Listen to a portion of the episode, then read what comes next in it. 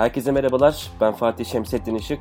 İsrail Pod'un 5. bölümüne hoş geldiniz. Bugün Sudan'la ilişkilerini normalleştirme kararı alan İsrail'in Sudan özelinde Afrika'daki dış politikasını konuşacağım. Fakat başlamadan evvel kısa bir duyuru yapmak isterim. Geçtiğimiz hafta geçirmiş olduğum rahatsızlıktan ötürü maalesef sizlerle birlikte olamadım. Geçmiş olsun dileklerini ileten tüm dostlarıma ve dinleyicilerime hasreten teşekkür ederim. Hazırsanız İsrail Pod başlıyor. Evet, İsrail'in bölgedeki normalleşme hamleleri tüm hızıyla sürüyor. Birleşik Arap Emirlikleri ve Bahreyn'in ardından İsrail ile ilişkilerini normalleştirme kararı alan bir diğer ülke ise Sudan oldu. ABD'nin Sudan'ı teröre destek veren ülkeler listesinden çıkarmasıyla Başkan Donald Trump, Sudan'ın da İsrail ile ilişkilerini normalleştirme konusunda anlaşmaya vardığını açıklamıştı. Fakat Sudan Dışişleri Bakanı Ömer Kameruttin'in de belirttiği üzere konu halen yeni sistemi tam manasıyla oturtamamış bir ortamda parlamentonun onayına bağlı. Peki bu normalleşme adımının arka planı nasıl? Ona biraz bakalım. Bildiğimiz üzere Sudan 1956'da bağımsızlığını alıyor ve o yıllar tam da dönemin Mısır Cumhurbaşkanı Cemal Abdülnasır'ın yıldızının parladığı zamanlara denk geliyor. Nitekim İsrail de düşmanımın düşmanı dostumdur anlayışını benimseyerek Abdülnasır'ın etkisini kırmak amacıyla ülkedeki muhalif gruplara destek veriyor.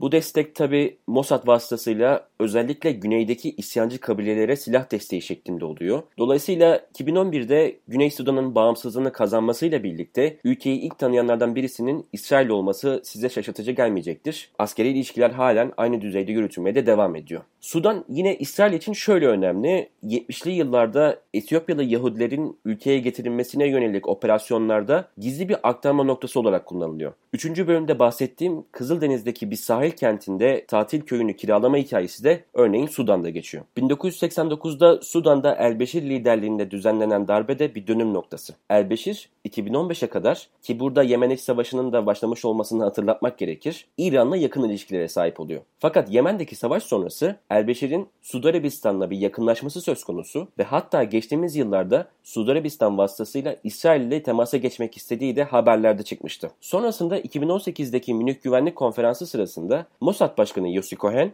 ve Sudanlı mevkidaşı General Salah Goş, Mısırlı arabulucular ve de Suud Birleşik Arap Emirlikleri desteğiyle bir araya geliyor. Bu yakınlaşmanın en net göstergesi ise Şubat ayının başında Uganda'ya bir ziyaret düzenleyen Netanyahu'nun burada Sudan Egemenlik Konseyi Başkanı Abdülfettah El-Burhan'la bir araya gelmesi oldu. Ancak altını çizmem gereken husus şu ki bu mevzu sadece İsrail ve Sudan ilişkileri bağlamında kalmayacak ve genelde Afrika'ya özellikle de Doğu Afrika'ya ve Nil'e kıyısı olan ülkelere yayılacak. Bunun temelinde ise bir karşılıklı meşrulaştırma stratejisi yatıyor. Yani İsrail ve ABD tanın tanınma ve yüzyılın anlaşmasına bölgede ve hinterlandında meşruiyet kazandırmak karşılığında Batı ekonomisine entegrasyon ve de Birleşik Arap Emirlikleri'nin de adeta bir maymuncuk gibi kullanıldığı yatırımlar vaat ediyor. Bu politika aslında kuruluşundan itibaren Afrika ile hep içli dışta olmuş İsrail'in dış politikasında yeni bir safha demek. Şimdi bu tarihsel süreçten biraz bahsetmek gerekirse. Mesela ilk olarak 1950'li yıllarda 1960'ların sonuna kadar bir altın çağ yaşanıyor. Bölgesel tecridi kırmak için İsrail bu dönemde meşhur çevre doktrini kapsamında başta Etiyopya olmak üzere birçok ülkeyle ortaklıklar kuruyor. Tabi burada İsrail'in o dönem Fransa ile çok yakın ilişkiler kurmasının da bir etkisi söz konusu. Yani Fransız sömürgesi ülkelerle bu vesileyle bir bağ kuruluyor. Özellikle Golda Meir'in öncülüğünde Siyonizm bu ülkelere yeni bir bağımsızlık ideolojisi ve ekonomik kalkınma modeli olarak pazarlanıyor. TİKA'nın İsrail'deki muadili denebilecek Maşav'ın da bu dönemde ciddi faaliyetleri söz konusu. 1967 Arap-İsrail Savaşı ile başlayan süreçle birlikte gidişat tersine dönüyor.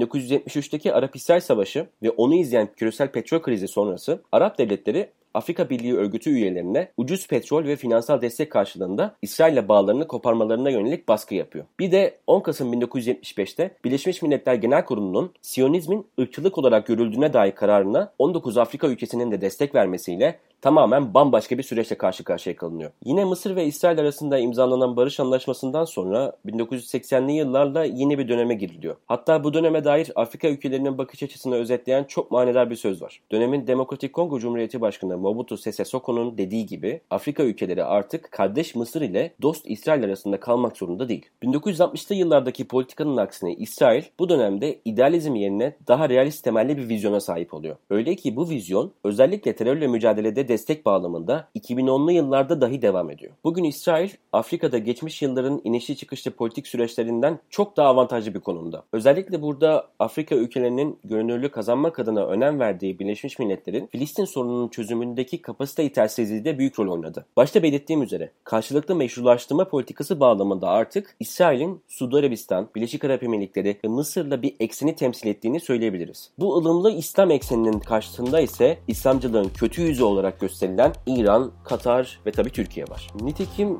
Libya'da Halife Hafter'in İsrail tarafından desteklenmesi de bu bağlamda okunmalı. İsrail'in son zamanlarda ilişkilerini yeniden tesis ettiği Çad, Mali, Nijer gibi yoğun Müslüman nüfusu Sahra altı ülkelerle gelişen ilişkilerinde Birleşik Arap Emirlikleri'nin yine bir maymuncuk olarak önemli bir partner rolünü oynamasını beklemek de mümkün. Evet, İsrail Pod'u dinlediniz. Haftaya görüşmek üzere. Hoşçakalın.